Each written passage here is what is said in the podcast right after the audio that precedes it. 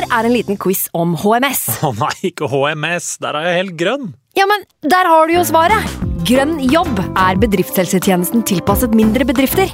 Våre HMS-eksperter hjelper mer enn 8000 bedrifter over hele Norge med alt fra lovpålagte HMS-krav til pålegg fra Arbeidstilsynet. Få på plass bedriftshelsetjeneste på grønnjobb.no. Hallo? Jeg kommer fra Oslo politikammer. Ine Jansen er purk. Er du purk? The motherfucking bitch. Alt jeg vil, er å finne ut hva som skjedde med mannen min. Jon Carew. Er jeg sikta for noe? Iben Akeli. Det er du. Ole So, Lars Berrum og Big Daddy Karsten. Hvem sin side er du på, egentlig? Anette Hoff, Tone Danielsen, Kommer du fra Afrika? Jørnis Josef, Nesten. Kløfta. Trond Espen Seim, Det er synd å si det, men det var feil mann som døde. Purk. Premiere tirsdag på TV2 Play. Nå har vi starta. Fantasy. God evening.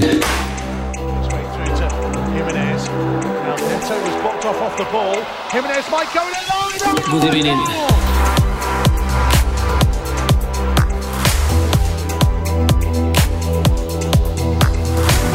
Hei, og velkommen til en ny Solskinnsepisode med Fantasyrådet. Yay, sola skinner. Metten ikke i studio. Bare tar brodden ut av det med en gang. Det er jo ganske sterke lys her da, i dette YouTube-studio. Ja. Men hvis Eh. du tenker liksom litt lenger enn det, så er det veldig solskinnsfullt for noen av oss, Simen. Ja. Mens andre har det rett og slett ganske tøft. ja, det kan vi gå kjapt Men sett her, jeg må, jeg må jo få ta det vanlige. Ja. Sett, sett her i dag med mine to freaks and geeks. Simen og Sondre. Velkommen skal dere være. Hei, hei. Jeg forsinka innspilling. Eh, Det er fredag. Eh, Vi pleier å spille inn på mandag. Og det her er jo kort fortalt årsaken til alle de som lurer på hvorfor vi ikke spiller inn når runden er ferdig, når det er mandagskamper og sånn. Vi har prøvd å få innspillingstid på tirsdag, onsdag, torsdag, fredag. Sånn er det å ha et liv. Så da ble, da ble det ikke episode før, før nå. Og moderne medier har noen andre podkaster enn Fantasyrådet. De har det. De har det. De har det. Så det er ikke alltid vi er førstepri på studietid. De har det. Men jeg har sett eh, du pryder jo SoMe Sondre, med Comfy Balls og, og Bærum sportsklubb. Jobber bra nå på, på media, så gjør det. Det gjør det faktisk. Det, det er artig. Ja. k- altså, runden som, altså, Jeg har jo vært levd under en stein uh, de siste par ukene. Jeg var jo ikke her i forrige episode. Jeg Det må være kjipt. Hæ? Det må være kjipt. Og, Leve under en stein. ja jeg tror meitemarkene har det greit så lenge ikke den steinen løftes opp. men eh, men eh, Simen, du har jo altså, Vi kan starte med de, de som det går bra med, og deg har det gått bra med kjempelenge. Ja. Det bare å fortsette og fortsetter. Ja da, jeg, er jeg er litt nede igjen, men, men jeg er egentlig veldig happy med at uh, inn, inn, i- Hva heter det? Um, tanken om at å bruke free hit ikke var riktig denne her for mitt lag, slo riktig an. da. At liksom jeg stolte på det, selv, selv når du på en måte ser alle de fine draftsene, og du ser at andre kommer til å ha liksom, finere lag på papiret, så er det sånn Se på ditt eget lag, og det, liksom, det er bra nok. Og bare stole på det, og, for den er jo tilgjengelig, og det er jo fort gjort å bli med på en sånn eh, tanke om at det er riktig denne runden her. Det er kanskje det vanskeligste med fantasy. det. Ja. Motstå de kjøra der. Eh, Så jeg er veldig happy med at, uh, in, uh, at den tanken var riktig. Og så er jeg Når man ser det i etterkant, så var det jo én ting jeg absolutt burde gjort. Eh, altså Man burde jo gått Harry Kane til Ronaldo, på en måte når man ser det etterkant, men jeg jagger meg ikke sikker som jeg satt der rett før vi spilte inn sånn, jeg hadde gjort det selv om det var en ny runde til helga og akkurat samme uh, ficturen. da, så eh, det burde jeg gjort, det gjorde jeg ikke. Ellers så er det liksom bra treff. Og så er det selvsagt også man, når man har litt sånn vind i seilene, så kommer det noen overtidsskåringer og, og litt bonuspoeng din retning. da. Altså. Tre bonuspoeng på, på Matt Target, som har byttet inn denne runden her eh, for uh, Dockerty.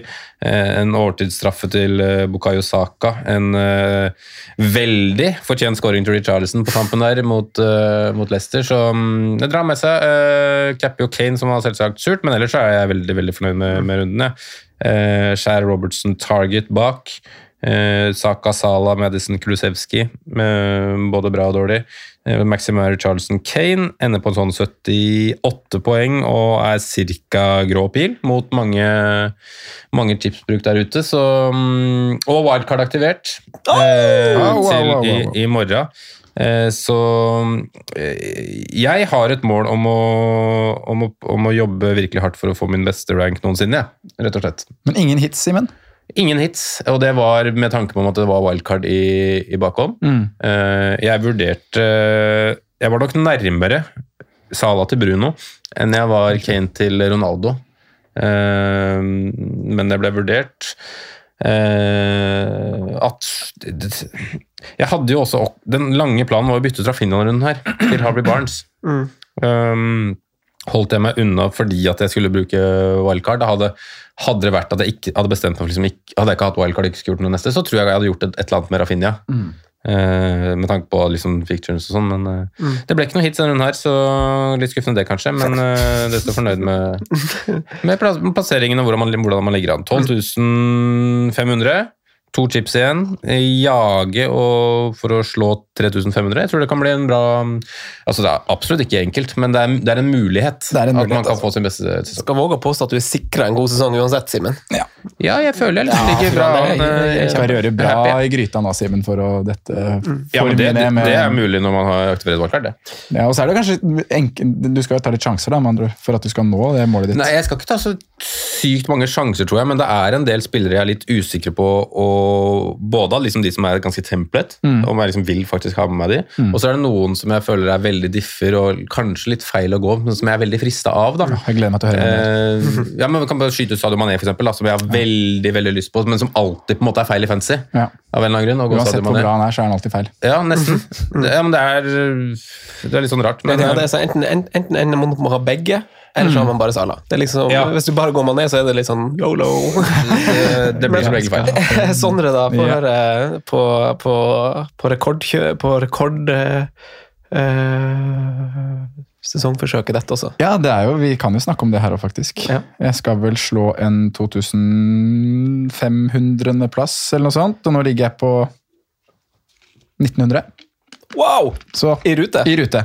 Men et par chips mindre enn Simen, for jeg brukte jo, brukte jo freeheaten denne runden her. Og er jo egentlig, som Simen, ganske fornøyd med at jeg gjorde det. For de aktiverer chipen passa veldig godt til mitt lag. Mm. Jeg hadde måttet gjøre en del bytter hvis jeg skulle fått samme poengsum som jeg fikk på freehit. Um, endte med 83 poeng, ble det etter gårsdagen. Fikk tikka inn to clean sheet på, på Pope og Tarkovsky i, i går kveld mot Southampton, og en eh, topoenger på Ward Praswell, eh, som tok meg opp på 83 poeng. Og um, ellers så så lander jeg på et lag som eh, var mye av det jeg skisserte i forrige ukens podkast. Jeg var jo inne på at jeg ville gå, gå tungt, på de, tungt på et billig forsvar. Jeg syns både Newcastle og Burnley hadde mm, en fin dobbelt fra et defensivt perspektiv. Tok med Pope og Tarkovsky, eh, i tillegg til Skjær og Burn, eh, som spilte i en treer bak. Eh, Det var det som på en måte ble den siste avgjørelsen min, da, at jeg gikk bort fra den, den mye planlagte trippel Newcastle bak. Eh, Og det er jo noe jeg angrer på i ettertid, men eh, frykten for å gå uten Chris Wood ble faktisk for stor inn mot deadline der. Eh, Så jeg valgte å sette han inn og spille 3-4-3 kontra 4-4-2, som hadde vært eh, resultatet med trippel Newcastle bak. Eh, Midtbanen ble jo Fernandes var med, uh, Son var med, det var jeg også ganske klar på.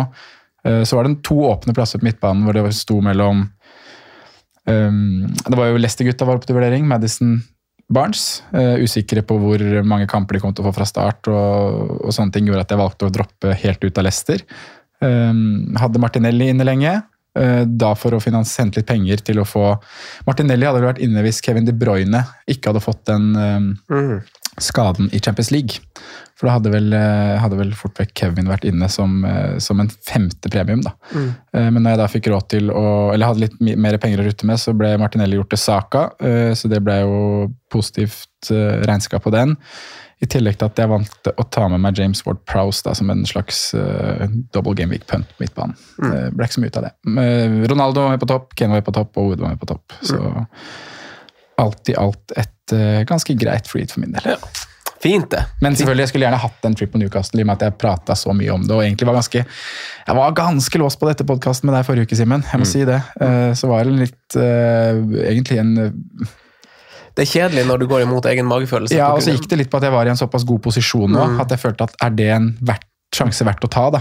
Eh, Jeg vet ikke eierandelen på Wood, ja, men den var sikkert ikke så stor. Eh, det føles sånn. Men det føltes i hvert fall sånn ja, når man snakka med folk og så på, så på diverse forum. Så, mm, men alt i alt happy, altså. 83 poeng og en ok eh, stamme nå inn i Double Game Week 34. Det som, det, som, det som trender på Twitter nå, det er jo Rocher out. det går altså så dårlig med Scott Stotts. Folk vil ha meg fjerna fra, fra roret der. De vil ha meg til å gå planken.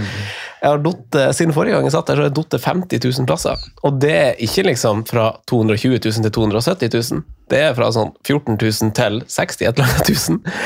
Eh, og det er jo kjempedølt. Jeg går, jeg går i dine fotspor, Simen. Bare liksom Altså, altså fortidssimen. Altså, Altså, Du i vinter du starta sesongen veldig bra, og så hadde du datt du, og så begynte du å hitte, og så er du tilbake på, på riktig spor. Så jeg må, hvis jeg skal Så det er det du skal gjøre nå? Begynne å hitte? Ja, nå skal jeg begynne å hitte. Nå skal jeg kjøre Siemens i oppskrift her, og så skal jeg faen meg Men det som må være jævlig frustrerende for deg, da, Franka, er at det, det skjer på så Det er så små marginer. Ja. Det, er så, det er så små forskjeller, og det er så sinnssykt store utslag i de? Ja. Hadde du gått Kane Ronaldo, hadde verden sett helt annerledes ut. Ja, det er akkurat det. Det var, det var vel det jeg snakka om forrige gang var, vi var med Martin. Ja. Så var det liksom det Jeg sa sånn Det må jeg jo gjøre, for jeg har ikke free hit. Jeg må liksom gjøre en swap der. Ja. Men det ble jo Bruno i stedet, og det er en kjempe, kjempestor eh, swing. Eh, Men nok om det. Vi, skal heller snakke, vi kan heller snakke om runden som kommer, og sånn siden det er fredag og kort tid til, eh, kort tid til frist. Så- Sondre, hva det er vi skal banke gjennom før, før den fristen? Nei, det blir Vi skal ta en liten synsundersøkelse først på, på Arsenal. Et lag som har variert veldig prestasjonene de siste ukene, egentlig. Så vi skal ta litt status på det vi, det vi har sett der. Nå ble den kjøreplanen her lagt før eh, massakren på, på Stamford Bridge, eh, så kanskje vi har noen nye synspunkter etter det. Men, men litt Arsenal innledningsvis. Eh, deretter så skal vi gå liksom ordentlig inn i double gaming 34-modus og styke ut hvem vi skal ha fra Chelsea, og våre tanker om United.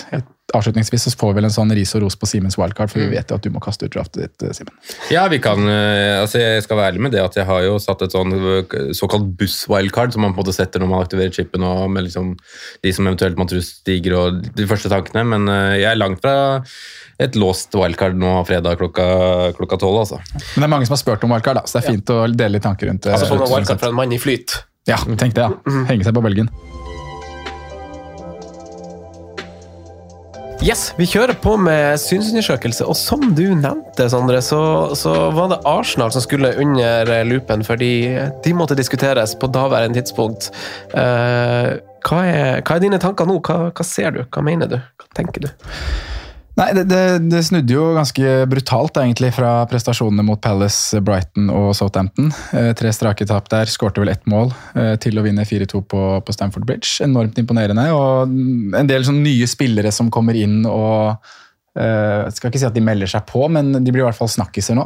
Eh, men det man liksom har sett fra Arsenal eh, gjennom den trekampsrekka mot, mot Palace, Brighton og Southampton. Og det kan sikkert du underbygge enda mer enn hva jeg gjør, Franco. Men, men vi har sett et Arsenal som har, blitt, uh, har begynt å bli litt mer eh, vaklende defensivt. Sluppet, til, uh, sluppet til mer sjanser enn hva de har pleid å gjøre tidligere i sesongen. Man merker at at uh, tapet av partei på midten uh, spesielt, det, det gir ringvirkninger. Uh, I tillegg til at Tierney har vært ute. og, og Tomoyasu har jo vært ute lenge, men man ser kanskje at han har betydd mer enn hva man har tenkt. da. Mm. Cedric eh, tok rollen fint i noen matcher der, og, men nå i det siste har det jo blitt litt utskiftninger. og Holding inn nå mot, eh, mot Chelsea var jo fun funka jo. Um, Det er luka der, da. Nei, det var Chaka. det det var Chaka som tok den for. Men eh, vi sier jo tre kamper uten å skåre mål, og så løsna det ordentlig mot, mot eh, Chelsea. og Det var jo ikke sånn at det ikke ble skapt sjanser, mot, eh, i hvert fall ikke mot Brighton og, og Southampton. Eh, Det var jo bare en enormt god Frazier Foster, som kanskje er i sin livsform, som hindra skåring mot, mot Southampton der. og Både Martinelli og, og Saka var jo veldig friske i, i den kampen. Martinelli kom vel inn? Nei, mot Nei. Chelsea kom han inn. Ja, mm. Martinelli ble tatt av, var sånn det var. Um, så, så sånn sett så, så har det ikke vært Ja, de har skåra mindre mål, men sjansen har likevel vært der, da. Så, så må man jo vurdere litt nå hva man tenker inn mot uh, Inn mot uh, to litt ja, kan kalle et småtøffe kamper på papiret, eh, og en dobbeltrunde i 36.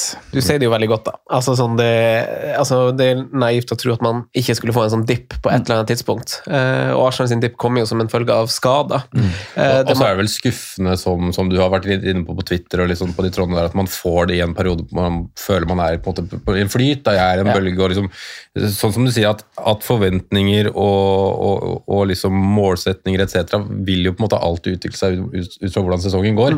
Eh, hvis man trekker tilbake til sesongen i fjor og ser på Liverpool-sesongen når de begynte å få skader i fjor, så er det naturlig at målet er ikke å vinne Premier League lenger. Nei. Da blir jo på en måte målet bare å komme seg inn i en Champions League-plass og gjøre sånne ting. Nå er jo Målet til Arsenal for et par uker siden var jo åpenbart å komme seg inn i Champions League. Og det var nesten, en- kanskje nesten, sånn, som nesten en forventning eh, i en liten periode. Og så har det på en måte bølga litt, og det er en ung tropp. Den skal vært en skade, litt og skadeutsatt den siste perioden. Eh, så det vil jo vakle litt, og det er jo nesten et kremeksempel på at de svarer nå med en så tøff match da, med, med 4-2. og Viser jo på en måte potensial og, og en, en ganske sterk moral, syns jeg. da. Mm. Ja, det er jo som du sier, det er jo ingen som hadde tippa Arsenal så høyt på tabellen. Og så forandrer jo eh, forventningen seg, mm. og håpningen ikke minst, ut ifra hvor, man- hvor man ligger i, i løpet. Og man ligger jo an til Champions League, og det er klart man blir litt skuffa når, Ja, ja. når, man, fall når det er de tre kampene man, man taper, da. Og som du sier, som du sier, jo to av de kampene kanskje ufortjent, spesielt mot Southampton og delvis Brighton. Eh, man blir greit kjørt av Palace, Palace men, eh, ja. men, eh, så, så det er klart, det er jo, det er jo avgjørende, men eh, men uh, veldig spennende, og årsaken er jo skader. Det jo, man blir masse rollebytter, og, og det er jo sjansen man tar når man ikke får inn de spillerne man ønsker i, i januar. Men, men, men mitt standpunkt liksom før uh, som vi sa, så var liksom det her at vi skulle snakke om Arsenal satt før, før Chelsea-kampen. og Da var jo mitt, eh, min konklusjon er at uh, selv om de har skåret ett mål på tre kamper, så kommer ikke jeg til å gjøre noe med Bakayo Saka.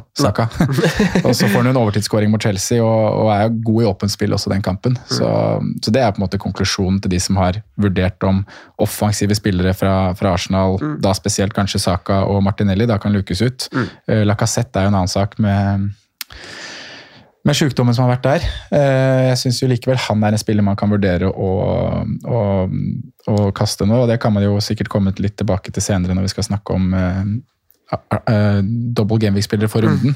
Eh, Han er jo en veldig naturlig mann å kaste til Timo Werner, hvis man yeah. sitter med Lacassette. Og spesielt nå med prestasjonen Enketia hadde på Stamford Bridge, da, så vil man jo bare regne med at det vil deles mer spilletid der ute i sesongen. Arteta han er liksom, han, han holdt seg til et winning team, han. Så Ja. jeg tror ikke det blir store forandringer på, på, på laget som møter United. Men tenker du da at Enketia er et valg man kan se til, da? Nei, Jeg syns det er liksom litt for tidlig å si, og som et sånn trygt valg så ville jeg ikke ha sagt ja. Eh, det er jo, altså som, Hadde han hatt en langtidskontrakt i Arsenal, så hadde jeg sagt ja, men uh, tilfellet er at både han og Lacassette er jo har, altså Det vi vet, er jo at de er på vei ut av klubben.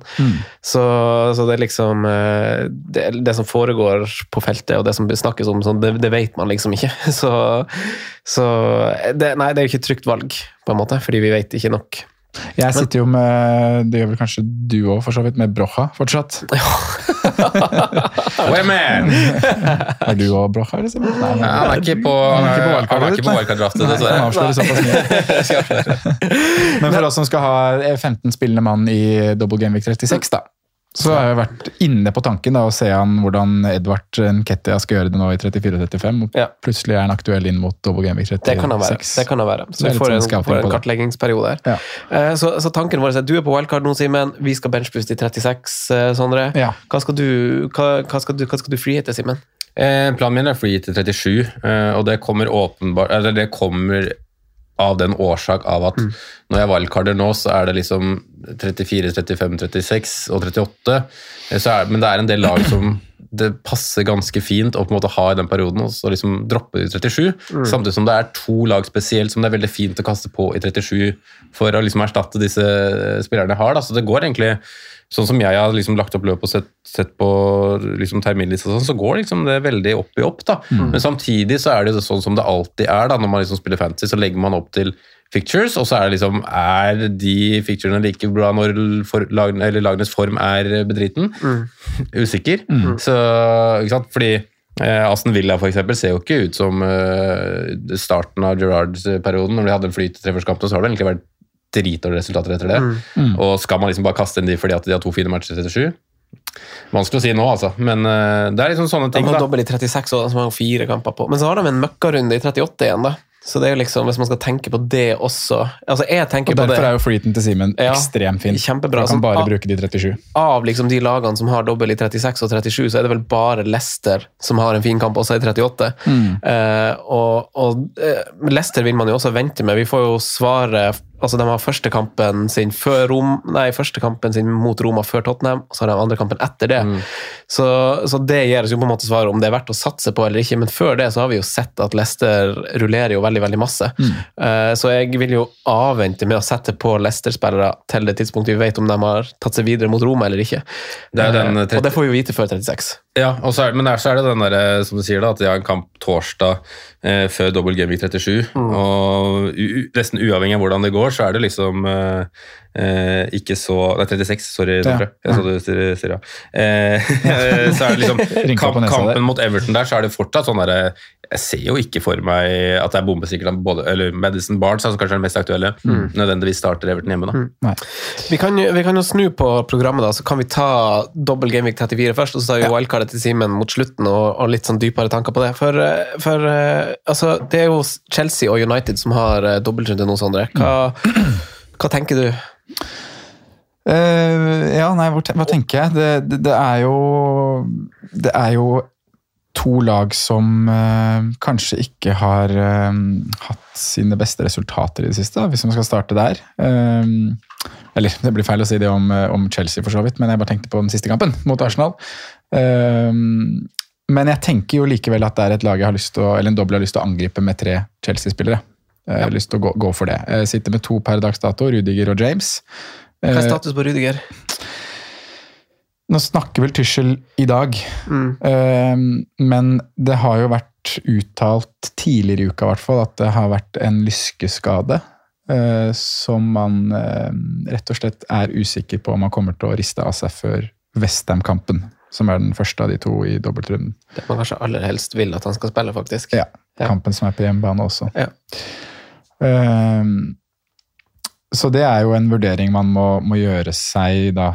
Eh, eller det er jo egentlig ikke en, det blir jo ikke en vurdering for de som ikke er på wildcard. De dropper Rudiger helt. Eller de som er på wildcard, de dropper Rudiger helt. Eh, vi som skal planlegge litt lenger til frem i tid og ikke har noe wildcard i bakhånd, vi, jeg har i hvert fall konkludert med at jeg kommer ikke til å gjøre noe med Rudiger. Nei. Selv om han er eh, selv om han er ute mot Westham, så har da, har da Chelsea tre matcher de på Nei, fire matcher blir det vel da, på de tre neste rundene. Ja. For jeg har dobbel også i 36. Mm. Um, men ja, lyst til å angripe med tre. Usikker på hva som er det riktige. Jeg tenker jo at uh, det, blir, det blir litt sånn naturlige veier å gå ut fra hva du sitter med på laget. Har man en dyr forsvarer, ja, da kan man kanskje få inn en Alonso eller en James. Uh, har man en midtbanespiller man kan kaste, så er det veldig enkelt å gå til Havertz eller Mount. Sitter man med Lacassette, så er det veldig enkelt å gå til Werner. Uh, og det, jeg føler heller ikke at det er noe fasit blant de offensive her. Eh, du, vi skal snakke litt og se litt på tall både på Havertz, Mount og, og Werner. Um, men vi har jo sett tidligere at alle kan levere i bolker. Jeg og- føler at hver gang vi skal, hver gang jeg har uttalt meg om enten Mount eller Havertz, så har den motsatt levert. Ja. Eh, så, og det sier vel, understreker vel litt kanskje det at det er ikke noen fasit her. At det er liksom veldig vanskelig å Du skal helgardere, du, Simen, på wildcardet. På de to så skal jeg nok det. Eh, jeg tror Det føles veldig naturlig å gå begge de to, men jeg skal innrømme at jeg har veldig lyst på Timo Werner, men den millionen opp gjør litt vanskeligheter. Eh, når det liksom kommer til resten, og også resten av konstellasjonen på dette, denne troppen. da. Eh, og så skal jeg innrømme at jeg, den er, jeg er veldig usikker på Reece jeg, om jeg skal ha den med meg eller ikke. Jeg tipper jo han er tilbake på wingbacken, ja, ja. Egentlig, basert på liksom en sånn åpenbar mangel. altså Bare en sånn kollektiv svikt mot Arsenal, så var det liksom jeg mistenker at han tenker at nå må vi liksom tilbake til suksessoppskrift her. Altså, men jeg, jeg, jeg skjønner ikke altså, Det er mulig Tyskland har noen tanker med det som kanskje ikke har kommet helt fram, og sånt, men jeg fatter ikke tankegangen her. Jeg. Det er fra de- det er er avlastning han snakket om, at det blir mindre belastning på kroppen. Altså spille stopper. Men, Men da må du bruke en annen Da må du bytte den ut, eller ikke bruke den. Altså, det er jo altså, Når du har de kvalitetene i Reece James og Aspelkueta, så spiller de på motsatt posisjon. Jeg fatter Nei, men det er jo åpenbart en, eh, en Jeg syns vi så noen tendenser i den ene matchen om at han kom liksom litt høyere sentralt, sånn som Rudiger har gjort på motsatt side. for liksom han er Rudiger egentlig har jo hatt noen skudd og litt sånn rare Men han har fått komme i den posisjonen, og så liksom noen ganger sånn som Trent også gjør, veldig inn, og så at du har mulighet til å slå de der Kevin De Bruyne-leggene. da. Men eh, nei, Det, det, altså, det er jo åpenbart en tanke bak. Altså, jeg eh, er ikke i posisjon til å være kritisk til noe han Tuchel gjør. for Jeg tror han er en av de største taktikere, og beste taktikerne kanskje i Premier League. Så jeg tror han liksom har en veldig klar tanke på hvordan det er, men liksom at kanskje i praksis ikke funker. Ja, at ja, ja. Eh, Men, men, Men, men bare det- sånn for å ta det andre laget som også har dobbel, hvis vi skal ta det kjapt og, og overordna på det, så er jeg eh, ikke bekymra for å ikke sitte med noe av det. Men jeg så på så, sånn, sånn, Du skal få ta dypdykk i spillerne, for det vet jeg du har gjort hjemmelekser på. Men jeg ser jo på, på altså, Hvis man tenker på laget, og jeg skal ta utgangspunkt i mitt eget lag også og jeg vet at du har tatt utgangspunkt i de siste seks kampene, som gjorde det også på, basert på lag. Og vi ser jo at Chelsea er jo en god nummer to i alt det offensive. Altså De har nest flest store sjanser skapt. Eh, bak Tottenham de siste seks kampene. Eh, sammen med Liverpool er de nummer to. Avslutning i boks er jo City åpenbart øverst, og så er Chelsea nummer to eh, rett foran Liverpool igjen. Og, og det som er jeg tenker med Rydiger at jeg må kanskje, opposisjonen, men ikke minst, utnytte kanskje liksom muligheten litt. Eh, For jeg ser at i de rundene hvor Chelsea ikke har en dobbel, så møter de et veldig defensivt svakt lag. Jeg så på Fantasy Football Scout og, og store sjanser mot og, og sånn. Og bunn fem eh, lag med flest skudd mottatt i boks og flest sjanser mot, så er det noen, noen lag som går igjen, og det er Southampton, det er Norwich, Watford, Manchester United, Leicester. Eh, så, så, så så Tot nei, Chelsea har veldig fine kamper utenom doblene også, så Ja. jeg må kanskje se på muligheten til å uh, snu litt på det, og få, få inn to offensive. Så du vurderer å kaste Rudiger. Jeg vurderer å kaste Rudiger, ja. Ja. Og så gjøre Kane til Werner. Og det finansierer også Havertz på midten, ikke sant? Og, se- og selv om Everton, da, som blir den kampen som er imellom her også, har, har vel en eh, stigende progresjon nå i på en måte tall, men der får vi jo antageligvis som du sier, et, et utgangspunkt hvor kanskje Everton faktisk må fram og, vi, og gå for tre poeng i denne matchen her. Ja. Og da ser jeg for meg den løperekka til Chelsea kan bli ganske fin. jeg. Ja. Så det er litt eh, altså Jeg tror kanskje i min posisjon at det er verdt å ta, ta den sjansen, i hvert fall når vi har eh, Nå snakker jeg Werner igjen, da, for vi har det her tørket på spissplassen. Det er liksom, Hvem skal man velge? Uh, og- Jimenez, kanskje? Jimenez, Broha og Dennis. ja, oi. Goal? Goal, ja. Goal? Da hadde jeg lyst til det opp. Nei, så, så det, det, er- det er det jeg ser på. Jeg ser at uh, Fra et offensivt perspektiv så er det lurt å, å satse på Chelsea. Og de er jo ute av Champions League òg. Uh, og de er jo med i andre i, i cupen fortsatt, men uh, det er jo Ja, for det, er, det kan vi jo ta. De, de, skal jo spille, de er med i cupen, som du sier, og skal spille cupfinale. Eh, og den blir jo da Du nevner jo det fine programmet som kommer, at det er to dobler og sånne ting. Eh, I etterkant av Double Game Week 36 da, så spilles den cupfinalen, og den er vel tre dager i etterkant av den onsdagsmatchen Leeds-Chelsea, som er den siste i Double Game Week 36. Så du må liksom bare forberede deg på at den Chelsea-spilleren du, du velger nå, du kan ikke forvente at han kommer til å få fem kamper på de tre rundene. Eh, jeg tenker jo tre er kanskje er det mest realistiske. Ja, jeg tipper jo jeg tipper ganske mange Ja, av de, spillere, de populære spillerne nå kommer til å bli benka i den Leeds-kampen. Ja. Ja. De som skal spille finalen, gjør jo fort vekk det. Og da er vi jo kanskje på et tidspunkt hvor Mm. eh, Chelsea også har sikra seg topp fire, da, som blir, blir det viktigste i ligaen. Mm, helt klart. Men eh, du, du hvem, hvem skal man velge, Sondre? Godt hvem spørsmål. skal man velge? Eh, man, er jo, man er jo litt der at man velger litt ut fra hva man har mulighet til å gå til på, på laget sitt, som sagt. Og det at eh, det at man liksom ikke har noen sånn klar favoritt, som du sier, Simen, det gjør jo at det er enklere også å bare gå til ja, jeg har Lacassette, da blir det Werner. Jeg har eh, Coutinho, da, da går jeg til, uh, til Havertz. Um, det blir liksom ikke feil å gjøre det på den måten når vi snakker om et lag som ikke har en så tydelig mainman. Um, Men alle de gutta her har jo greie underliggende stats, stats da, for, å, for å se litt på det. Jeg har kikka på de siste seks rundene, som du sa, Franco. Uh, gått gjennom skudd, skudd i boks og, og sjanser skapt. Uh, og da er det jo spesielt to av de som, eller egentlig tre, da, som skiller seg ganske bra ut. Havertz og Werner de har like mange skudd på de siste seks. Uh, 15 skudd. Eh, Havertz har skutt 14 av de i boks, og Werner har skutt 13 av de i boks. Eh, bak der så følger Mason Mount, 13 skudd. Kun sju av de i boks. Um, av de defensive spillerne så er det Alonso som er den klart eh, farligste. og Det kommer jo av at James har vært en lengre periode ute nå. Eh, Alonso har ti skudd på de siste seks rundene, ni av de i boks. Mer i Eh, boks enn Mount, det. mer i boks enn Mount. uh, Rudiger har elleve skudd. Eh, som du sier, Simen, så kommer han så ofte høyt i banen og skyter, uh, men det er ofte fra 30 meter. Da. så kun, kun fire av de er i, i boks. Det er noen ganger jeg føler at de skuddene er litt sånn at du lukker øya og håper på det beste. Ja, og så funker det Ja, funker jo. Han, han, en, en av ti. Han får litt, han får litt ekstrapoeng, han Rydiger, for han er så fet fyr. han fortjener, han fortjener det, faktisk. Mason Mount er den som skaper flest sjanser. Uh, ti, ti sjanser skapt totalt på de siste seks. Og da er dødball inkludert. ja, da er dødballer Ja. inkludert. Eh, Havertz nummer to, syv sjanser skapt. Samme Alonso, begge de har syv. Eh, Werner fire sjanser skapt, Rudiger null sjanser skapt. ikke å forvente. Um, expected goal involvement har jeg også sett på. Eh, på den er det Havert som topper. 4,80 på, på expected goal involvement, altså. Eh, Werner ligger på 3,17, Mount på 2,63 og Alonso ligger på 1,51 på de siste seks rundene. Så, så det er liksom min konklusjon, da, hvis jeg hadde vært på et wildcard som Simen er og kunne velge hvem jeg ville, så er det det at det er Kai Havertz som er den som frister meg aller, aller mest. Eh, og det er liksom en god timing å ta Havertz òg, i og med at han har Fikk seg en liten Eh, hvile. Fikk seg en hvile nå, som du sier. Uh, han har også vært i god form i det siste før den hvilen. Eh, best odds for scoring blant Chelsea-spillerne denne runden, her, hvis man liker å se på sånne ting. Eh, og har jo da også de beste underliggende tallene. Så hvis man har liksom frie midler eller eh, et wildcard som du har, så, så ville jeg gått Kai Havertz. Altså. Så tror jeg jo ehm, jeg liker jo tanken av å doble bak, jeg da, med James og Alonso. Jeg syns verdien i Alonso til den prisen eh, han har nå, er, er veldig veldig bra. Eh, også med tanke på at han egentlig ikke har noe reell konkurranse om de spiller med wingbacker. Eh, det er noe annet om de går ned i en firer bak, da blir det litt annerledes igjen. Men er det, er det tre, tre bak med wingbacker, så er Alonso ganske nailed i det laget. Jeg vet ikke om jeg tør Alonso hvis jeg, går- hvis jeg går 11 mann, på en måte. Nei. Eh, Det er det som uroer meg sånn sett, da. Mm. så jeg, de fleste draftene mine er med fem på midten, så mm, hadde man, på en måte hatt, hadde man gjort om til 4-4-2, så kunne det vært mer aktuelt og kanskje hatt en liksom Ramsey, Gordon, et eller annet sånn bare som kan komme inn for Alonso eh, hvis det skulle virkelig Altså ikke bli noe, da. Så mm, det er vel det det egentlig står på. Ja. Så, men, men det er vel egentlig min topp tre, og så fjerdemann er da Timo Werner. Jeg syns det er en artig, artig pønt å ta igjen nå. Han har også vist veldig god form og vært pålogga i det siste, både i Champions League og ligaen. Uh, kommet til masse sjanser, som han jo ofte har gjort i, i Premier League, da. men uh, nå er det jo begynt å sitte litt òg. Mm. Det blir vel nesten femtemann for deg hvis du skal ha begge bekkene foran, eller? ja, jeg, jeg, hvis jeg rangerer, da, så sier jeg Havertz er nummer én. Mm. Bekkene to og tre. Ti, Timo Werner foran Mount. Okay, ja.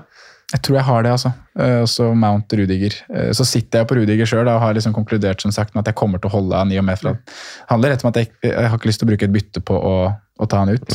Så må man huske at dette er jo på en måte en, en liste som du setter opp når man har eh, helt fritt med midler, og det er Mm. bare en rangering. Og så var det du var innom i stad, ut ifra hva du sitter med selv. Sitter du med Lacassette, så er det liksom Timo Werner. Da gjør du. Timo. Jeg syns det er et no-brainer-bytte. Altså. Ja, La og. Timo Werner. Er Bare kjøre på. Satse på at det Bra. blir bra. Vær knallhard. Ja. Hvis, du, hvis du sitter med Jesus, så er det kanskje samme. Men Kane til Timo Werner, da, den har ikke jeg tenkt på i det hele tatt, sånn som du skisserer, Franco. Ja, altså, du er- det, da, da kan jeg jo ta, løfte opp situasjonen min igjen. Da. Fordi eh, tingen er jo at jeg ofra Sala. Og da er spørsmålet skal vi ha Sala tilbake, skal jeg fortsette med Kane. Kan ikke liksom ha begge, Det er litt vanskelig i hvert fall med en benchboost i bakhodet. Jeg kan ha begge, men da, går det, da er det sånn, da må du fortsette med Brocha og sånn tøys, egentlig. Eh, og nå ser jeg jo altså nå, altså Man får jo ny informasjon hele tida, og Sala syns jeg litt satt på spissen, så litt off ut, og man kunne velge Mané. Og med off så mener jeg sånn altså Jeg så på poengene de har fått eh, de, altså siden Diaz kom, og ja, minuttene ikke minst. Og så skulle jeg liksom bare bekrefte altså Før, før den runden her og etter den runden her eh, Siden Diaz kom i Game Week 24, så har han stått over to kamper. Riktignok han har fått 40 poeng eh, allikevel, og kanskje sett ut som en større trussel foran mål. Eh, utover å være en veldig veldig god spiller i tillegg. da. Eh, Sala har fått 72 poeng siden da. Han har jo spilt alle kampene, mens Mané har stått over én og fått 64 poeng. Eh, Med én kamp mindre. Og så ser du på expected goals i samme perioden. Eh, Sala best med 5,86. Mané 5,54, ikke så langt bak, fortsatt én kamp mindre. Diaz er nede på 2,94, og så har du en overlegen Sala på skudd i boks, åpenbart. 33 mot 20 og 15. Store sjanser skapt. Vi har jo en Sala som har blitt en lagspiller nå, eh, som, som skaper litt for andre. Han er jo seks, og det var nesten sånn tunga på vektskåla at jeg bare skjønte at ok, jeg må bare komme meg tilbake på Sala, tenkte jeg. Og da ser jeg på begynner jeg å se på situasjonen til Tottenham igjen. da, ok, De har veldig gode offensive tall. De møter Brentford borte nå, eh, som egentlig er en ganske tøff kamp, litt basert på, på Brentford sin form. Leicester er veldig fin. En dobbel er en dobbel, eh, men det er Liverpool borte og Arsenal. Jeg tipper han Kane skårer der. Og så er det Burnley i nest siste kamp. Jeg tror vi skal som Arsenal-fans være veldig happy med at Burnley vant mot Southampton i går, for da er det fortsatt veldig sånn viktig for, for Burnley å få de poengene de kan få. da. Eh, og ny trener, ikke minst. så så kampprogrammet til Tottenham og formen til Sala gjør at jeg føler at jeg må tilbake på Sala, samtidig som det løser liksom kanskje Chelsea-floka på best mulig måte for en som eh, ønsker å jage litt, da, for Ja. min del. Så, så for min del så tror jeg det passer best eh, hvis jeg skal i bakhodet at jeg skal prøve litt. Jeg er enig i, den, eh, i resonnementet ditt med, med Arsenal Nei, med, med Spurs sitt program. Altså. Det, er, det er det som ligger litt til grunn til at jeg ikke har en eneste Spurs-spiller inne på wildcard også. At eh, Jeg syns Brentford-kampen er tøffere enn det den er på, på, på liksom, Det virker som folk synes på papiret. Eh, dobbelen er ikke så fin, og hvis du på en måte får gjort en stor helomvending her uten at det liksom koster altfor mange bytter, og alt for mye, så, så synes jeg det er andre lag som har en, eh, en, en, en finere avslutning på sesongen her, da. Så, men, men, men. Men Gameweek 35, Spurs-Leicester. Harry Kane har spilt 13 kamper mot Leicester, skåret 16 mål og har tre assist.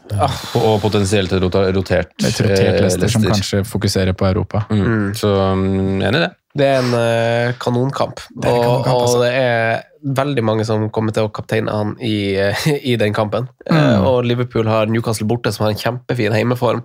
Ja. Uh, så ikke for å snakke ned eh, Liverpool, sånn sett, men det, det er veldig mange som kommer til å være på Kane, da. Mm. Uh, åpenbart. Så Jeg tror det er den tøffeste kampen Liverpool har igjen. ja. ja, Newcastle borte. Mm. Ja. Det kan jo være. Så, så, og det er en veldig fin kamp for Kane, som sagt. Så, sånn, ua, ja, uavhengig av historikken. Så tidspunkt Ja. å møte Leicester på er historikken, man skal ikke legge for mye i det, da, men det er bare, jeg har bare så mange minner av Kane mot Leicester i siste serien. Og så er det jo han Harry Kane. Han er jo han er, altså Forrige kampen så var de jo litt sånn off mot Brighton, Mm. eh, men han er jo kjempegod. In form. Ja, han er kjempegod.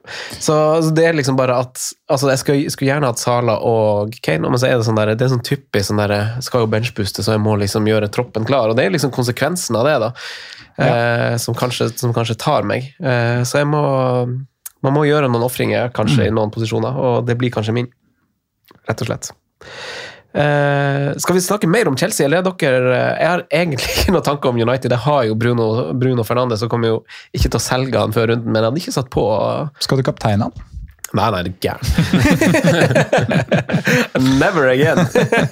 Det er jo Nei, du har jo en andre dobbeltspiller i Chelsea, selvfølgelig. Som har klart ja.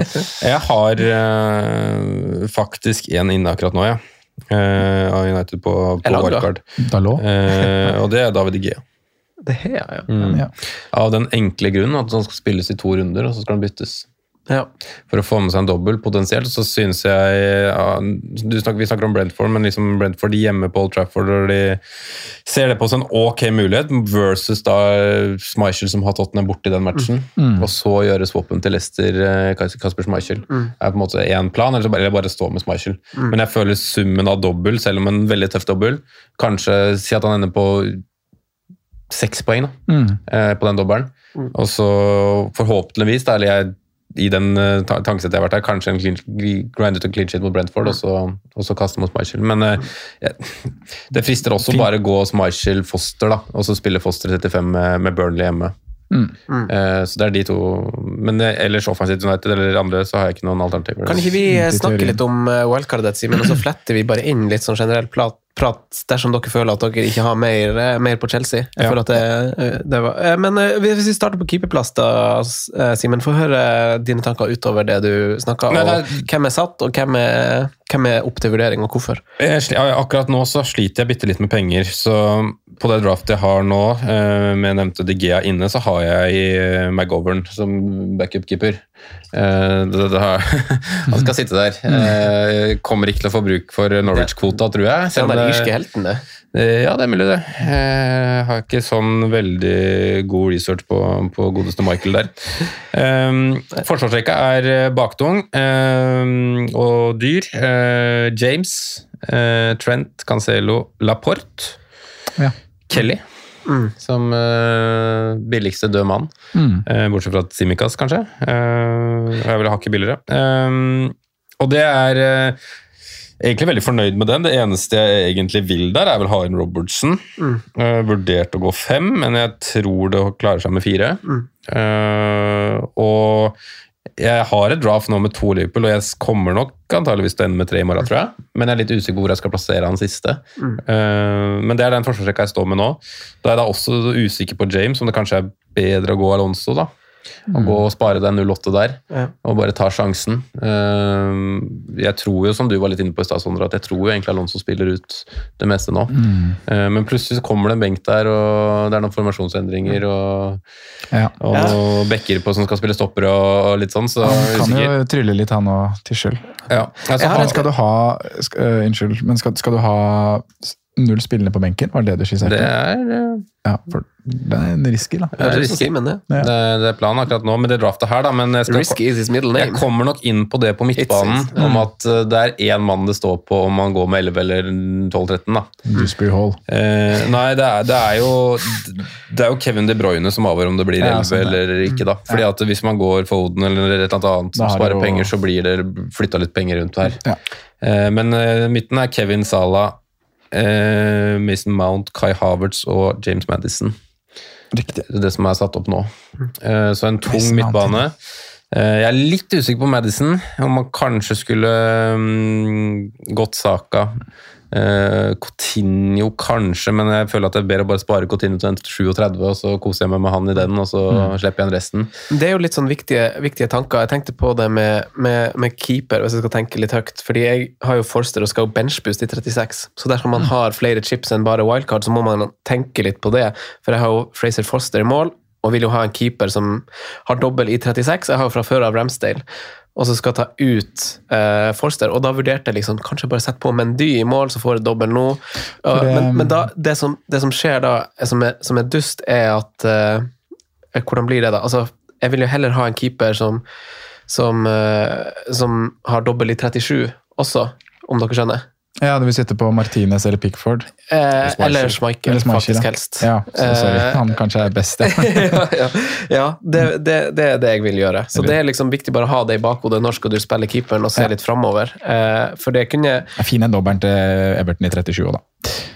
Eh, Ja, den er, det, de har den fineste dobbelen i 37, faktisk. Men Leicester har den fineste i 36. Vi nevnte jo stad også, men det må du legge til i det wildcardet mitt her nå, at når jeg er free til 37, så kommer jo på en måte Pick- Pickford, Richarlison, Matty Cash, Coutinho, Watkins altså Alle disse kommer jo i 37. Ja, Nydelig rekke, altså. Eh, nei, men altså, med ficturene. Og så ja, det er helt, helt prima, det. og så Du kommer til å kose deg gløgg med det free til der, siden. Ja, det tror jeg. Du kommer til å Det føle deg som kongen på campingplassen. Fordi sitter da har, Jeg tror ikke du skal alle i studio jeg, den, den uka der. Nei, men Da sitter jo alle jeg alle i sånn der, um, med, med bakrus etter den uh, benchboosten og 15 mann og sliter med å stable en 60-tropp og, og det Ja, der. da. da skal det Så hittes, det da skal skal det smelles fra meg, og det er da jeg skrur bygstet mitt. Ja, men det er, jo, det, det er jo helt sant, for det er jo det jeg må tenke litt på med byttene jeg gjør nå. En ting er Chelsea, for det føler jeg er et veldig trygt lag å sitte på uansett, fordi selv om de har dobbel nå og i 36, og ikke i 37, så har de en veldig fin kamp i 37 og 38, og egentlig hele veien. Så Chelsea er bare å kjøre på. Men utover Chelsea så må jeg liksom finne et lag som Å lage nesten en sånn byttestrategi for å få mest ut av de neste to rundene nå, men også i 36 og 37. Og da har jeg sagt til meg sjøl at eh, Everton og Villa og Leicester er jo lag som har dobbel i 36 og 37, men jeg kan faktisk vente til 36 og 37 før jeg setter på. For da vet man mye mer om formen deres, og man vet om de er ute av Europa. Og jeg trenger ikke begynne å tenke på det allerede nå. Akkurat nå er liksom bare kom på Chelsea, Ja. og så spare i 35, og så kommer du til 36, og så ser du hva du trenger, og hva som passer bra å sette inn. Det, det, det jeg virkelig håper på da, når vi kommer til, til City og liksom dobbel wigging weeks og sånn, er jo at de får den dobbelen sin 36 og ikke 37. Ja. Så jeg ikke får den, så jeg får den også den ekstra fordelen om at ikke det er veldig fordel å sitte igjen med City, selv om du har på en måte stabla det inn til 36. da.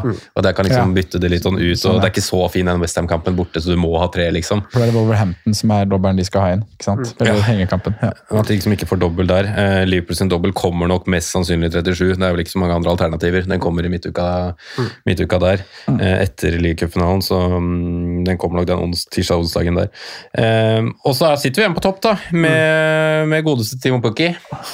Ja. Jeg angrer Det skjønner jeg så jævlig. rått på at jeg ikke tok eh, Pukki over St. Maxime. Det skjønner jeg så jævlig. Samme her. Mm. Og jeg, satt nå, Jeg jeg, jeg, jeg, satt nå før Rydigerskaden satt jeg og tenkte at eh, Da var planen min å bytte inn Pukki for St. Maxime. Mm. Liksom bare få det, få det gjort, For det passer masse bedre i en benchbust i 36, og så kan du ofre han i 37 for en spiss som har dobbel i 37. Mm.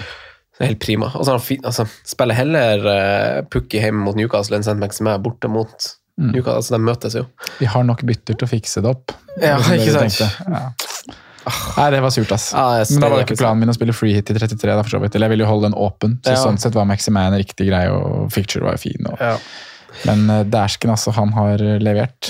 Godeste Timu. Han har det. Og han har fint program. Han Ja. har fint program. Så er jo alternativet her, da. eh, For det er jo en del spillere i mix. Jeg vurderer egentlig Kevin De Bruyne og Sadio Mané helt opp mot hverandre. Så jeg går vel litt på om jeg blir fornøyd med et av- annet eventuelt Liverpool-trio. Eller så er det en mulighet å gå istedenfor å gå Kevin De Bruyne og Madison, og gå Louis Diaz og Foden. Ja. Og da har jeg også penger til en spiss til, da, f.eks. Um, Ollie Watkins, og da spiller, står jeg med tolv mann. Som er et uh, u- bedre kanskje rusta, men at du står med én mindre på en måte premium. da, fordi Plutselig er Diaz benka. Jeg tror han og Jota kommer til å liksom nesten få nesten annen match fra start. Det er en følelse av det ut uh, serien. Um, Phil Foden er jeg fryktelig lyst på, men jeg er også, der er jeg liksom, han er plutselig ute av laget der, selv om han virker å være ganske nailed on akkurat nå. Uh, og så står du liksom med én mann ekstra, da, og da kan du liksom alltid benke én, eller at du har en som kan steppe inn. da.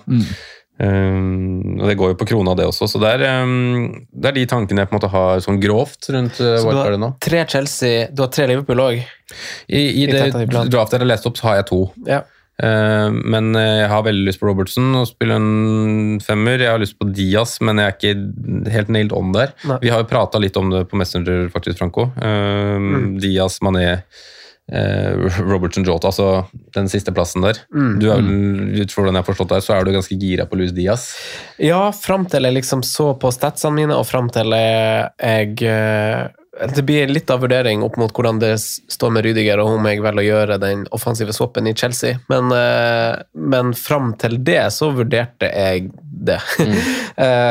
men eh, dersom jeg går Sala, så vurderer jeg jo ikke Diaz lenger. Nei. Eh, og da jeg så på tallene, så er jo Sala er jo ganske overlegen, og sånn som vi så han mot United, så, så var nesten det liksom tunga på vektskåla. Jeg synes liksom det er et kroneksempel på FPL, da, og hvor bra asset Mohammed Salah er. Mm. For det er jo, Mohammed Salah var god igjen mot uh, United, ikke misforstå meg, Mm. men det var andre spillere som var markant mye bedre. Og den beste, altså Thiago har fått voldsomt mye skryt for, den, for kampen, der, men jeg synes nesten Sadio Mané er banens beste der også. Mm. Fordi han er, så, er i vært så god form og har liksom fått en helt ny vår som spiss. da. Eh, og- Mm. Kommer han til å fortsette der? ja, så lenge Dia spiller, men når Jota spiller, så blir det jo Jota Ja, ikke sant? sånn, man er ut da. Men han har vel, jeg husker ikke akkurat, men jeg tror det er eh, ti målpoeng siste ni kampene som spiser, eller noe sånt, siden han ble flytta inn. Og nå har han jo spilt, eh, han ble vel henta som en slags tier og starta på høyrekant. eh, Når Salah kom, så ble flytta han til venstrekant, og når det har passa seg med noen nye venstrekanter, så spiller han på, i midten. Da, så han er veldig fleksibel sånn sett. Og han er i en vanvittig, vanvittig form, altså. Så mm, ja, det, det, det er spennende. Så er det jo sistemann som er i miksen, er jo han jeg kasta. da. Så det er surt å skulle kjøpe han inn igjen til 0-2 dyrere, men det er jo Joel Matip, da. Ehm, Føles som et veldig bra valg. Samtidig så har jeg liksom alltid på feelingen at Konatek bare kommer inn i en match, og så er det i hvert fall kjipt å sitte med 11. Så jeg tror jeg kaster Matip for, eh, for godt, og har fått veldig fint hatt et veldig fint run God, god relasjon med han nå, Ja, ja, ja. på flere nivå. Så um, Hvem ville du eh, Nå har vi hørt draftet hans, eh, Sondre, og det er jo ikke noe, det er jo ikke noe sånn breaking news til Simen. Hvordan, hvordan, ville, hvordan spillere ville du ha lokka i laget? Hva ville vært din stamme i et wildcard-lag? Vi leg- tenke Legger du da til grunn til at det er samme plan som meg? uten benchboost, ut, med free hit? Eller det Ja, er nei, det er kanskje, kanskje uten free hit, egentlig. Ja, for jeg prata med en For du kamerat er, du, er, du er jo i en kjempeposisjon, Simen, sånn sett, Ja, som ikke er veldig For Det er viktig å legge det til grunn. for Jeg prata med en kompis i går som har på en måte en helt annen plan ut sesongen. Han skal kjøre opp, men han skal kjøre wildcard nå samtidig som meg. Ja. Men han har jo eh, benchboost i 36 Ja, og ingen free 37, ikke sant? så det blir jo et helt annet lag. Ja. Jeg ville jo for Men eksempel benchboost i 30 Ja, nei, sorry. Ja, Kjør. jeg, jeg sier at jeg ville jo Uten freehit så ville jo jeg hatt mer Villa, for eksempel. Fordi de har to fine kamper nå, og så har de eh, to Ville doble. kanskje kjørt Watkins eller Ville kanskje kjørt Watkins og Matty Cash, eksempel. Og, det, du, og så vil du Og så vil du kanskje brukt billig midtbane på Ramsey, da. Ja, for Eh, Det er jo noe vi kan, eh, i forlengelsen av det her Det er fint å snakke wildcard med benchboost-spillere, for hvilke spillere tar du med deg til benchboosten? Meg. Ja, eller hva, hva gjør ja, hvem Ramsey? tar man, hvem tar man, ja, tar man med Ramsey? Ja, På altså wildcard nå bench boost? Tar man med Dewsbury Hall? Ja, ikke sant? Ja, man gjør det. Ja, altså, og da, da tar du jo opp viktige midtbaneplasser. ikke sant? For du har lyst på som jeg har vært inne på, jeg har lyst på Mohammed Salah. Jeg har lyst på Kevin De Bruyne eller Foden eller et eller annet. Jeg har Havertz, lyst på Mason Mount. Mount, mm, Kai Havertz. Ja. Du har jo ikke plasser til disse her. Nei. Nei, altså Midtbaneplassene syns jeg også er ganske sånn, de, de er ganske viktige å bruke riktig, fordi at det er en del alternativ nå. Så akkurat nå så har jo jeg eh, ei spredning i troppen min som gjør at altså sånn, Jeg har ingen sånn billigfolk. Jeg har en jevnt over god tropp med benkeproblemer hver runde, så jeg har en ganske på papiret god, godt utgangspunkt for en benchpust, Så jeg Altså For det var det jeg satt og Ja. fikla på nå på eget lag. Og jeg kan liksom gjøre Jeg kan ta ut uh, Barnes og Kulisevski mm, uh, og få inn Havertz og Dewsbury Hall. Ja. Eh, Da er liksom Jusper Hall prepper jo til benchboost 36. ja, Men så er jo spørsmålet, som du sier, da skal man heller spre midlene over hele midtbanen, eller skal jeg nå tenke at jeg bare får inn billige spillere med double gameweek, og så benchbooster jeg de 36, og så har jeg egentlig ganske godt utgangspunkt til 37. Mm. Uh, Nei, jeg synes det er vanskelig. Det, det er vanskelig. det er veldig Men det vanskelig. byttet her har jeg én million i banken nå, da. da kan jeg potensielt gjøre en oppgradering. Jeg må jo få Dockerty òg. Ja. Ja, du har, ja, for du har sett etter freeheaten din der. Ja. Ja, jeg ville i hvert fall hatt eh, Altså, jeg ville hatt eh, Jeg har jo null kredibilitet nå siden jeg eh, det er nyss før jeg får sparken her. Men eh, jeg ville jo hatt tre Chelsea, jeg ville hatt sikkert et par Villa, et par, et par Liverpool, én eller to City ville jeg hatt.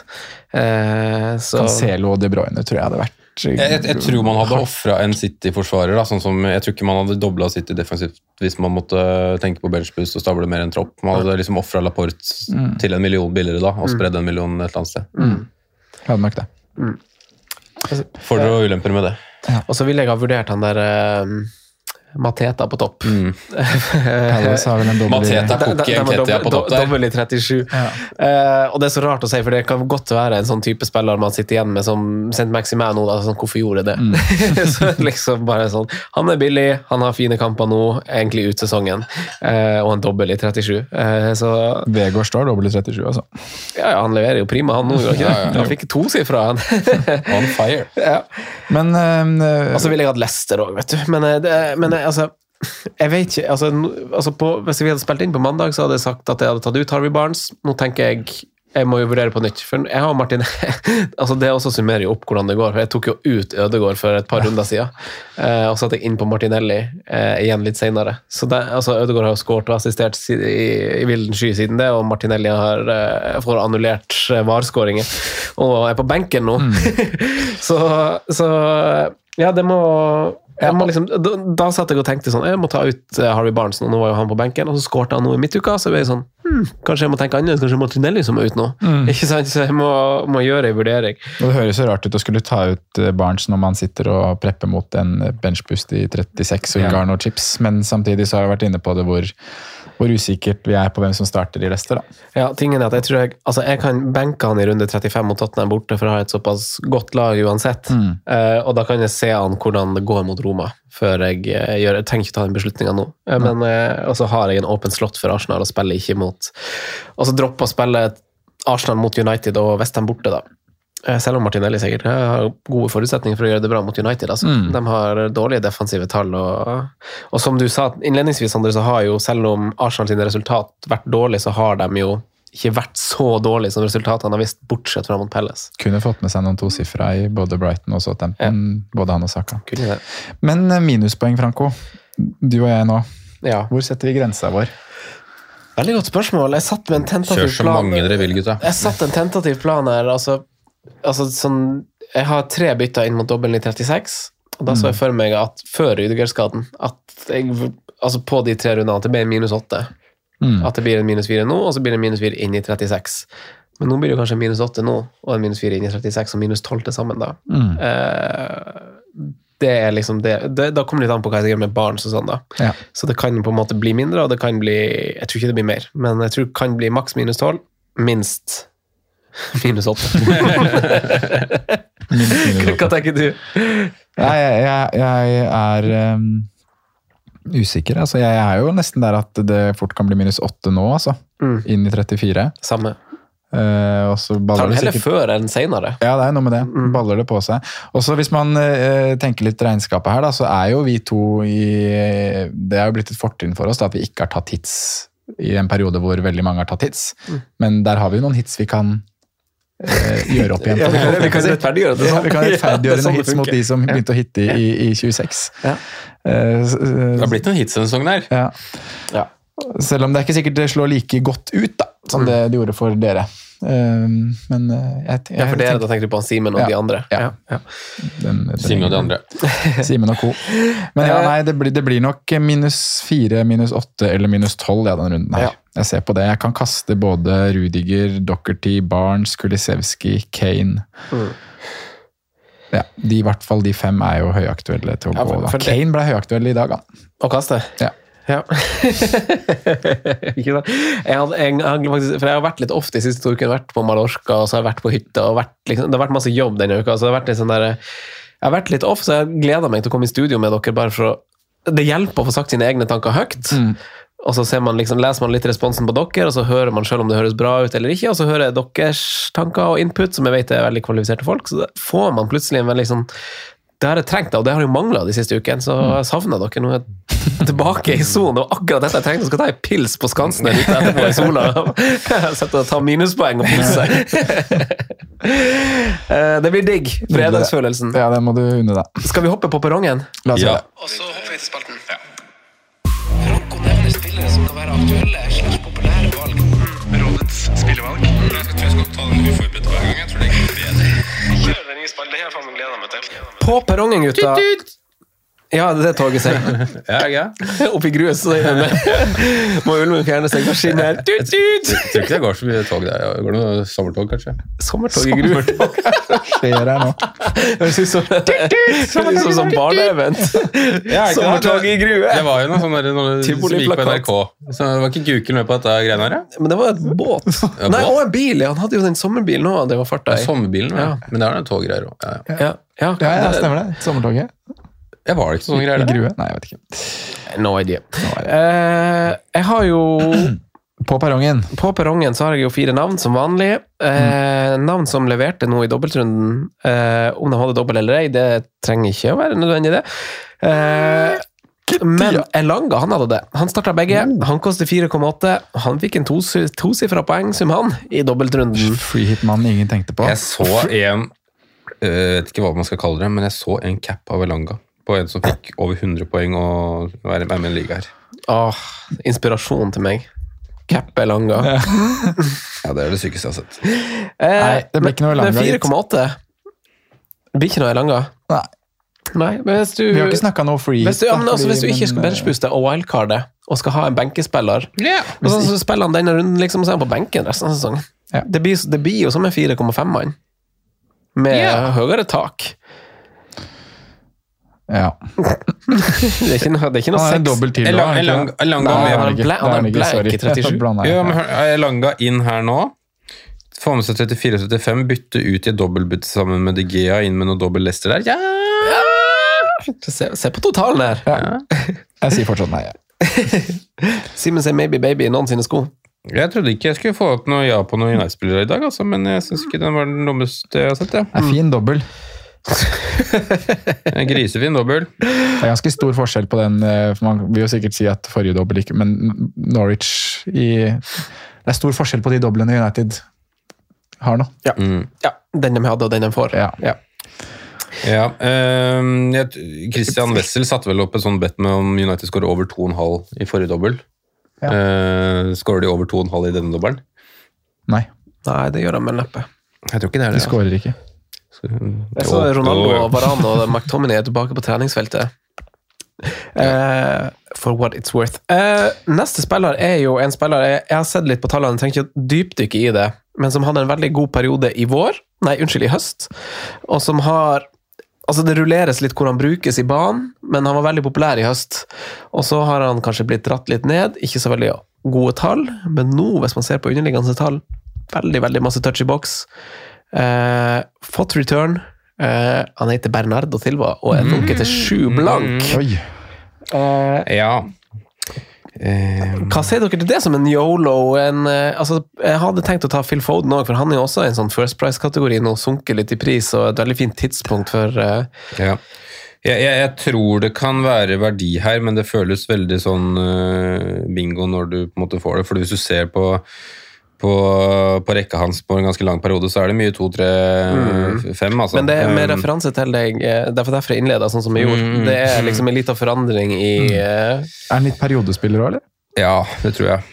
Så brukes han jo litt her og der. Han er jo generelt god, men altså sånn, med tanke på hva du får i en fancy-poeng, så tror jeg det er litt sånn Men periode. i ja, Det må jo bli på wildcard, da, eventuelt. For Hvis man skal bytte inn noen midtbane, så går man jo Chelsea over. Ja, det gjør man jo. Så det må bli i din, dine sko. Mm.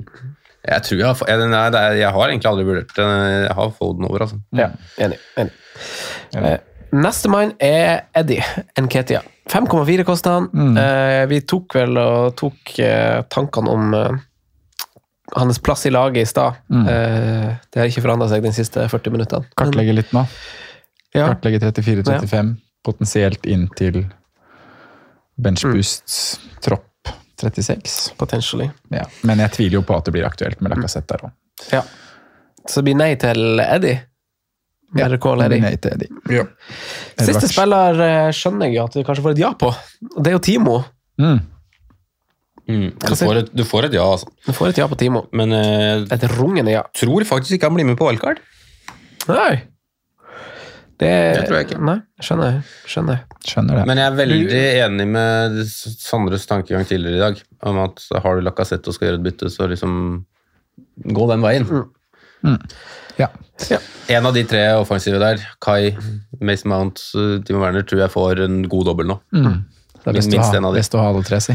Altså, ja, faktisk. Eh, med det så ønsker jeg bare lykke til til dere og lyttere. Eh, Mm, beklager at spørsmål. innspillinga kom litt seint. Jeg fikk bare spørsmål der på Messenger i løpet av uh, podkasten om hvordan det gikk på mellom Treff og Bærum på mandag. Det er enkelt Google-søk, det, så finner man ut av det. Ja, ja men da er det svaret der. Ja. Nei da. Treff var bra. 1-0 i sekken for undertegnede. Spilte han der Marius Ingebretsen? Ja, god på, veldig god på FM.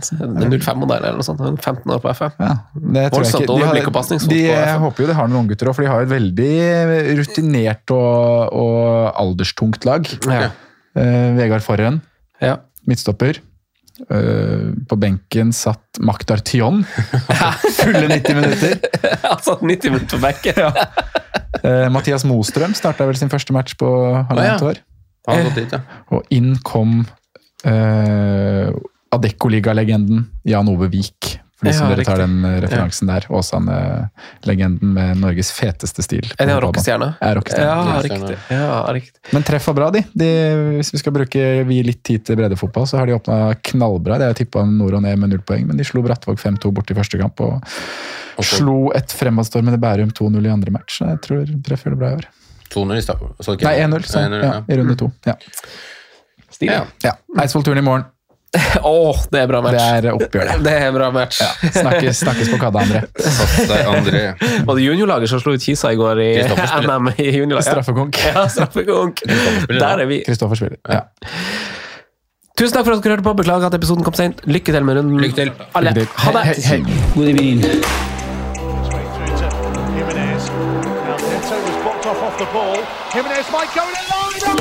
through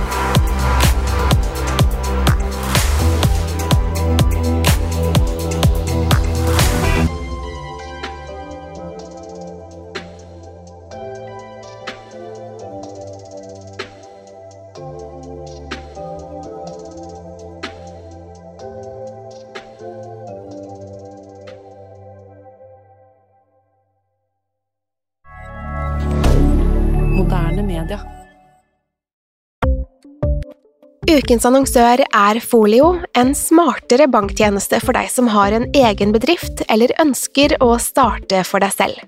Folio er en superenkel nettbank for bedrifter.